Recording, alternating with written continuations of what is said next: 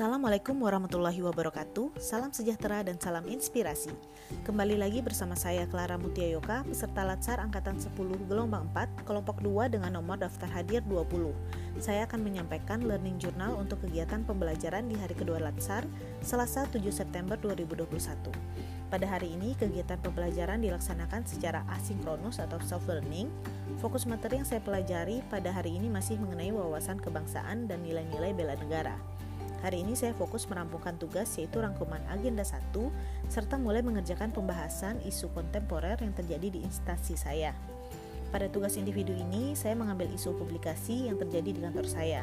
Salah satu tugas saya sebagai analis publikasi adalah melakukan liputan atas kegiatan verifikasi sistem merit yang dilakukan oleh divisi lain.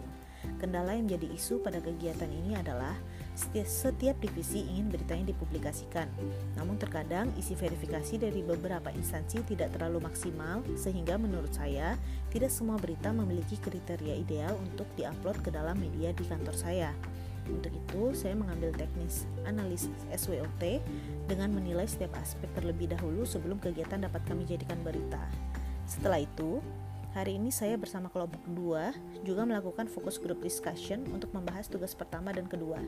Tugas pertama sudah dalam tahap finalisasi, sedangkan untuk tugas kedua mengenai isu kontemporer, kami mengangkat isu mengenai hoax COVID-19 dan isu kebocoran informasi data penduduk vaksin yang saat ini sedang ramai diperbincangkan.